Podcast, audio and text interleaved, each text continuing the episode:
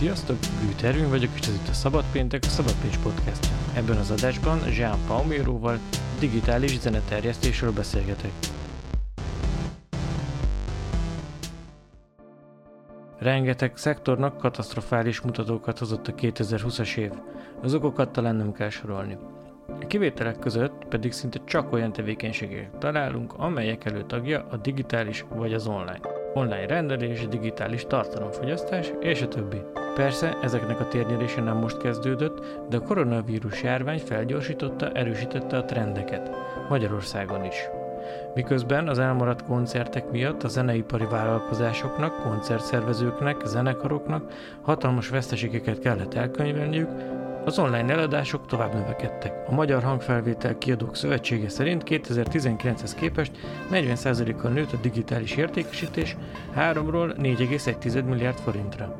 Ennek pedig a legnagyobb szeretét az előfizetéses audio streaming adja. Azaz például a Spotify és a Deezer, amelyeknél a havidíj ellenében szinte bármilyen zenei tartalmat elérhetünk. Ezek jellemzően 3-4 euró körüli összegek, ami a legális zenehallgatásért és a kényelemért cserébe tényleg nem nagy pénz. Minden esetre a MAHASZ által jelzett növekedésben nagy szerepe van azoknak a digitális disztribútoroknak, akik hidat képeznek a kiadók, zenekarok, valamint a streaming szolgáltatók között. Az egyik ilyen legnagyobb nemzetközi vállalkozás a Believe, aminek a régiós központja éppen Pécsen van. És Zsának hívják legalábbis a kezdetekben mindenképpen, ugyanis a francia, de már másfél évtizede Magyarországon élő Jean Palmero innen kezdte el szervezni a cég régiós terjeszkedését. Ma már 80 dolgoznak a Pécsi és Budapesti irodában. A magyar könnyűzenei életben korábban is ismert koncertszervezőt és a Psycho Mutant zenekar oszlopos tagját ezúttal a streamingről, digitális zeneterjesztésről és a várható trendekről is kérdeztem. Te illetve ti mit csináltok pontosan, mert szerintem, hogyha ezt valakinek, nem tudom, anyukádnak azt mondod, hogy mivel foglalkozol, akkor úgy... Nagyon nehéz egyébként, nagyon nehéz elmagyarázni az embereknek, meg nem csak anyukámnak, hanem akár korombeli embereknek is, főleg azoknak, akik nem használják. De ez azért érdekes, mert egyébként mert egyre nagyobb teret hódít a digitális, online zene igen, igen, igen. Meg sokan azt gondolják valószínű, hogy, hogy nem, nem kell az előadó és a Spotify között egy olyan cég, mint a, mint a Believe, hogy csak rámész a spotify.com-ra és feltöltöd a, a lemezedet, és én sem tudtam egyébként mielőtt ide kerültem. Jó, akkor mit csináltok pontosan? Mit csinál, mit csinál a cégetek? Gyakorlatilag szállítunk zenéket, lemezeket, dalokat a Spotify felé, meg az összes létező streaming platform felé, meg olyan platformok felé is, ahol lehet vásárolni zenéket, mint az iTunes, meg az Amazon többek között, csak egyre kevesebben vesznek lemezeket online is, hanem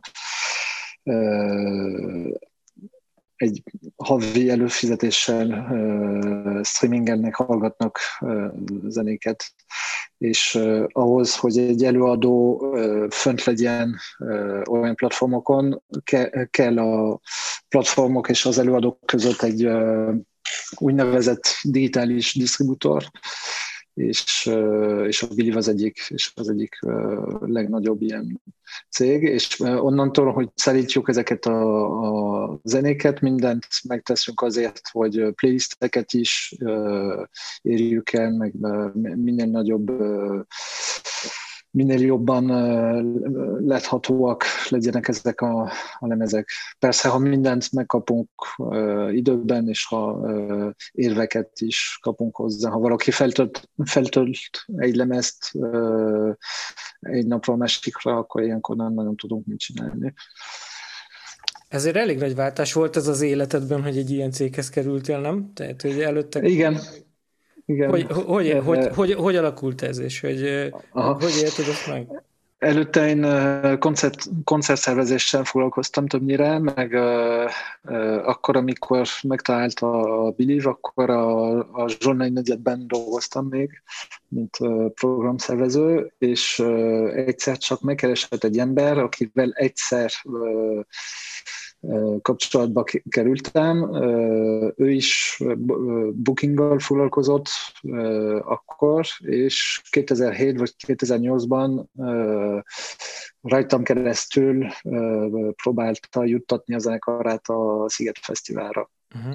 És 2012-ben bekerült a, a Bilifhez, és az volt a feladata, hogy Oroszországot, az, az orosz piacot nyisson a, a cégnek. Ez viszonylag gyorsan megvolt, és utána egyenként megnyitotta, vagy próbálta megnyitni a közép- és kelet-európai piacokat, és egyszerűen a Gmail-ében be, beütötte, hogy Magyarország, franciául, és, és ez, ezt az egy levelezést dobta ki, megkeresett engem, és megkérdezte, hogy ismerek-e kiadókat, és segítettem neki találkozókat szervezni Budapesten, és rá egy hónapra el is jött, összekötöttem a kiadókat vele, és akkor viszonylag gyorsan kellett egy ember, és aztán lépésről lépésre többen lettünk a, a cégben. Ez, a, ez annak, annak idején, tehát hogy ez az időszak, amit említesz, ez kb. így a streamingnek az ilyen felívelő időszaka volt szerte a világon. Magyarországon még nem annyira, nem? Vagy Igazából inkább az iTunes, inkább az iTunes időszaka volt, és akkor került ide is az iTunes, és a, a, a Believe gyakorlatilag követte az iTunes lépéseit. Nagyon sokáig csak Nyugat-Európában volt elérhető, meg persze Amerikában, meg Ázsiában, és nekünk is csak ott voltak irodáink akkor, és egyszer csak 13 új piacot nyitott az iTunes, és a, Believe is ezekbe a, az országokba kezdett jelen lenni. A streamingről még nagyon keveset lehetett hallani, a, a, a Spotify még nem is volt elérhető, amikor elkezdtem én dolgozni a Believe-nek, csak rá fél évre körülbelül. Akkor a Deezer volt az a, a streaming platform, ami a legjobban ment Magyarországon. De ti mindenkivel kapcsolatban vagytok, ha, most ezt így igen. vettem észre. Igen, igen. igen. Főleg azokkal, akik, akik jelen vannak Magyarországon. YouTube-bal is persze, egyébként ezt nem említettem, hogy uh, ahhoz, hogy uh, monetizálható legyen egy uh, csatorna, uh, végül is azt, azt lehet uh, mármint maga az előadó el tudja intézni közvetlenül, hogy, hogy legyenek reklámok a csatornáján, de ahhoz, hogy rendesen le, lehessen menedzselni egy csatorna, akkor egy úgynevezett MCN-nel, Multi-Channel Network kell, kell, kell dolgoznia, és a Believe-nek is van és egyébként, egyébként Európában a legnagyobb szállító a YouTube-nak, zenei szállító. Tehát ez azt jelenti, hogy összekötitek a kiadókat ezekkel a platformokkal, hogyha ezt így röviden... Ja, vagyis nem is kötjük össze, össze őket a legtöbb esetben, hanem képviseljük őket inkább képviseljük őket. Akkor is, amikor próbáljuk ezeket a playlisteket, még playlist borítókat elérni, ezt a munkát végül is nélkülük végezzük. Ezeknek a platformoknak is lényeges az, hogy ne kelljen egy, egy millió előadóval kapcsolatot tartani, hanem van 100-200 hasonló cég, mint a miénk, és, sokkal könnyebb így lesz, leszűrni a kérdéseket, meg a, a kéréseket. Volt egy időszak egyébként, amikor a Spotify elindult a felé, hogy, hogy szerződött közvetlenül előadókkal, tett egy fél éves próbát, és aztán gyorsan rájött, hogy, hogy nem, nem teheti meg. Uh-huh. Jó, és tudnám mondani egy-két példát, hogy kit képviseltek akkor ezek szerint? És most nem, nem, nem kiadókra gondolok szerintem elsősorban talán, hanem, hanem inkább előadókra, mert az lehet, hogy így könnyebben könnyebben fölismerik az ember.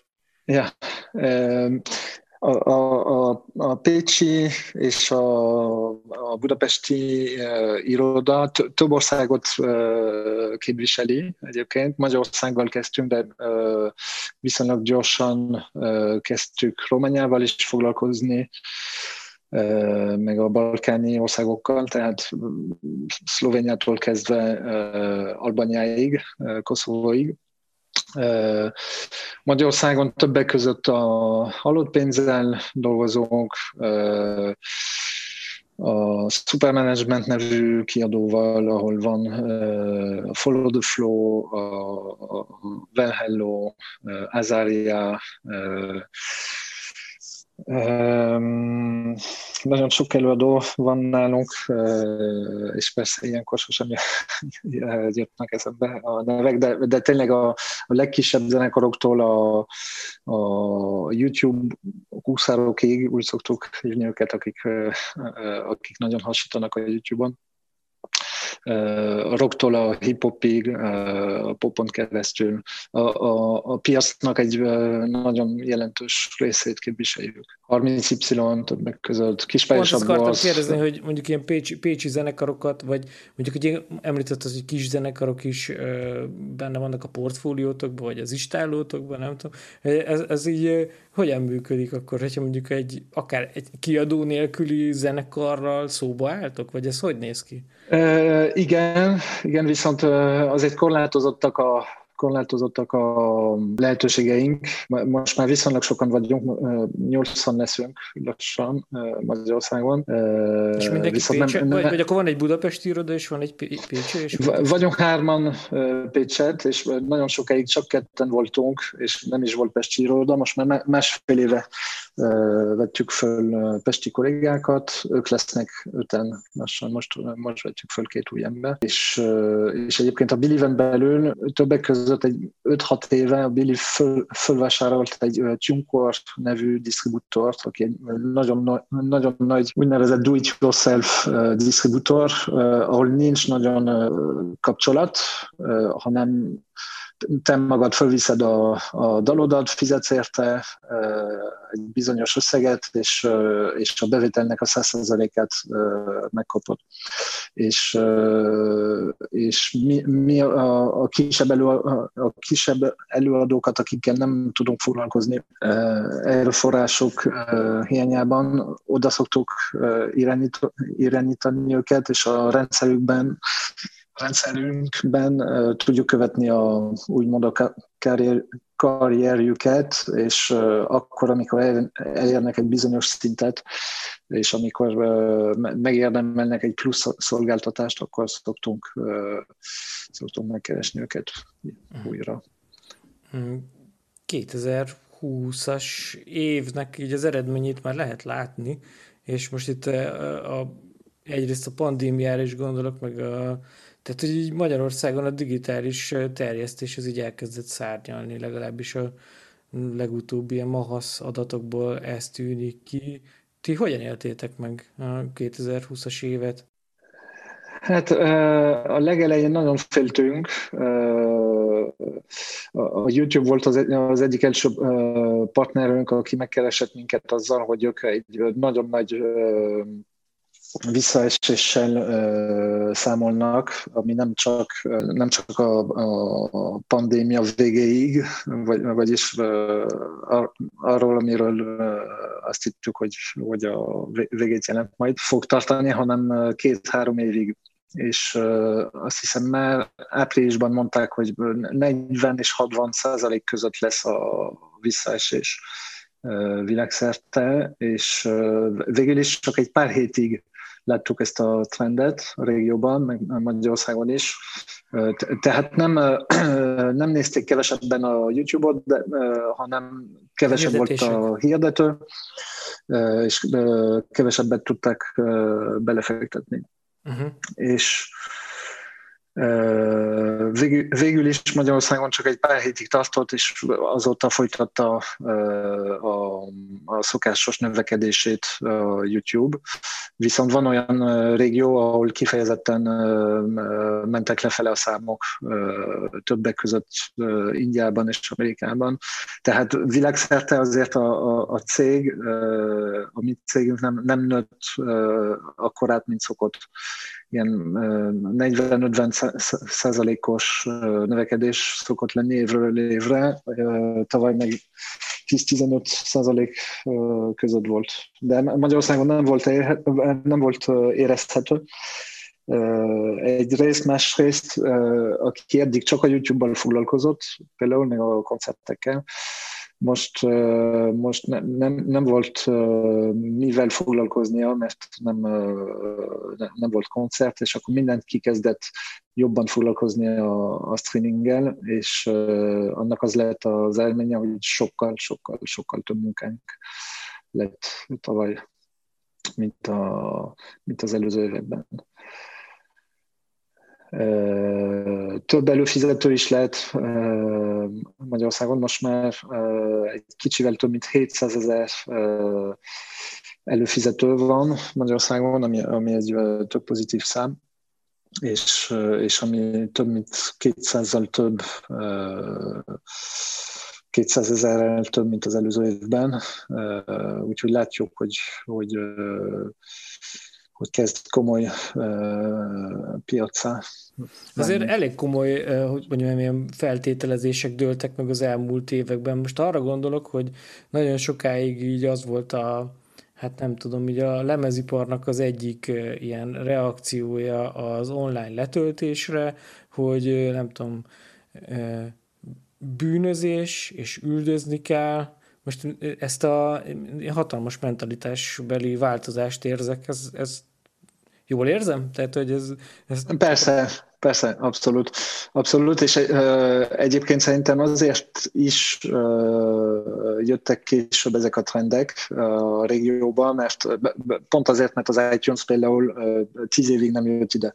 Csak Franciaországgal, Németországgal, Angliával foglalkoztak, és valószínűleg azt gondolták, hogy ezek nem nem akkora piacok, Lengyelország, Románia, Magyarország, hogy, hogy kelljen foglalkozni vele, és és úgymond a kelet-európaiaknak volt több idejük azzal foglalkozni, hogy hogyha kellett egy zene, akkor letöltötték digitál, illegálisan és, és amikor, amikor idejöttek ezek a platformok, én azt éreztem legalábbis, hogy nagyon sok idő kellett átállni. Nem, nem érezték egyből az emberek, hogy ez praktikus, meg legális is, meg nem, nem kerül sokba. Viszont most látjuk, hogy tényleg fordul a, fordul a dolog szakmailag milyen viták zajlanak? Most itt arra gondolok, hogy pár éve még említettél te is, hogy playlisteket csináltok, meg ilyesmit, tehát hogy pár éve még azon ment a dilemmázás, hogy pár éve, mondjuk ilyen tíz, tizen pár éve azon ment még a dilemmázás, hogy most az album műfaj az egy létező dolog-e, még van-e rá igény, vagy, vagy csak számokat, meg videókat érdemes csinálni. Most, most miről, mi, mi, mi nagy altok de akkor ezek szerint az egyik ez a playlisteknek az összeállítása. Vagy ja, hát igazából ne, nem mi állítjuk össze a playlisteket. Volt egy időszak egyébként, amikor ne, nem mint a régióban, hanem a, a nagyobb piacokon, amikor voltak a Billiven belül emberek, akik összeállították playlisteket, amik egyébként szép számot értek el, viszont annyira erős lett a többek között a Spotify-nak az algoritmusa, hogy, hogy egy idő után nem érte meg saját playlisteket csinálni, mert a Spotify úgyis a, a saját playlistjeit nyomja. Tehát a, a mi dolgunk, vagyis ne, ne, néhány kollégánknak a, a dolga az, hogy ezeket a, a a Spotify playlisteket érjük el, vagy a Deezer, meg az Apple Music playlisteket. És visszatérve arra, hogy, hogy a, a, az albumnak van, van-e még értelme, meg élete, az biztos, hogy nagyon nagy szerepe van a, a volt is egyébként már a 80-as években is a, a videoklipnek, tehát az biztos, hogyha egy, egy, egy előadó tervez egy lemez megjelenést, azt nem lehet megtenni, hogy hogy anélkül, hogy felvezetne azt a lemezt két, három, négy vagy több dallal, megjelenteti a, a semmiből. Tehát érdemes ezzel játszani, hogy, hogy tényleg most már több mint három dalt lehet simán megjelentetni a, a teljes lemez előtt, és akkor és, és so, sokkal hosszabb fókuszt lehet kapni a közönségtől is, meg a, meg a boltoktól is. Mert igazából, ha holnap megjelentetek egy lemezt, akkor gyakorlatilag csak egy dalt fogunk tudni mi pitchelni, úgymond, a, a boltoknak. Viszont ha havonta kijön egy dal, és a negyedik hónapban egy lemez, akkor négy dalnak van esélye elérni ezeket a plészteket, meg mindenféle kiemeléseket. Koncertszervezés hogy állsz? Tervezel még hát, ilyen, ez a, most nyilván a pandémián túlmutatóan, vagy, vagy e, ezt, ezt a vonalat föladtad teljesen, vagy mi, mi a helyzet? Ne, nem adtam föl teljesen, csak a, a Billyvel vissza az időmnek a, a 98%-át körülbelül, úgyhogy az utóbbi években tényleg alig foglalkoztam vele, de hiányzik. Volt még egy, egy kisebb koncertsorozat, amit szerveztem a Trafikban, amikor jöttek kisebb külföldi előadók, rossz napokon, vasárnap, hétfő, kedd, amikor sokkal olcsóbban lehetett kapni őket, és van egy-két rendezvény, akivel továbbra is dolgozom. Az és fesztiválokra gondolsz? Vagy... Igen, igen, igen. Ördökatlannal dolgozgatom valamennyire, meg az Utca Fesztiválon Veszprémben, akivel egy jó 15 éve dolgozom, de nagyon kevés időt tudok ezzel foglalkozni. Majd később lehet, hogy visszatérek rá. Jó, azt se hallgassuk el, hogy zenélsz is, tehát, és azzal mi a helyzet? Azzal ez a helyzet, hogy most van április, de most már több mint egy éve kiszakadt egy posztkonksérvem február végén, egy, koncerten egyébként, és három hónapot töltöttem az ágyban, és közben jött a Covid is, úgyhogy amikor nagyjából jobban lettem, még mindig óvatosan kezeltük a dolgot, és nem, nem nagyon próbáltunk gyakorlatilag március és július-augusztus között. Aztán azóta készülünk egy lemezzen, és majdnem készen voltunk az év, az év elején, amikor jött ez a durvább harmadik hullám, és most már február vége óta nem, nem próbáltunk óvatosságból, és most remélhetőleg egy pár héten belül fogunk újra összejönni. De egyébként vagyunk, meg uh-huh. szeretjük csinálni. Tehát, hogy a, tehát akkor ezek szerint várható mondjuk én 2022-re, vagy ezt így hogyan lehet besatszolni a, a, a lemez? Psycho lemezt? Aha. Hát jól lett volna idén, mondjuk még mindig van esély talán az év vége felé, mert a, a számok megvannak, csak újra kell összerázodni, meg véglegesíteni őket. Áprilisban, és egyébként tavaly is áprilisban terveztünk stúdióba venni, csak akkor történt ez a balesetem, és idén is áprilisban terveztünk, úgyhogy szerintem abból lesz késő nyár talán, aztán gyártani kell, mert koncert még kevés van lett határon, viszonylag kevés Hát az a pár esemény, ahol felléptünk volna tavaly, azok visszahívtak minket, mi meg nem nagyon kerestünk lehetőségeket, mert tényleg nem lehet tudni, hogy mi lesz, hogy lesz. De várjuk. lehessen koncertezni. Hát köszönöm szépen a beszélgetést, szerintem akkor Én köszönöm. jó zenélést, meg jó menedzselést. Jó, köszi. köszi.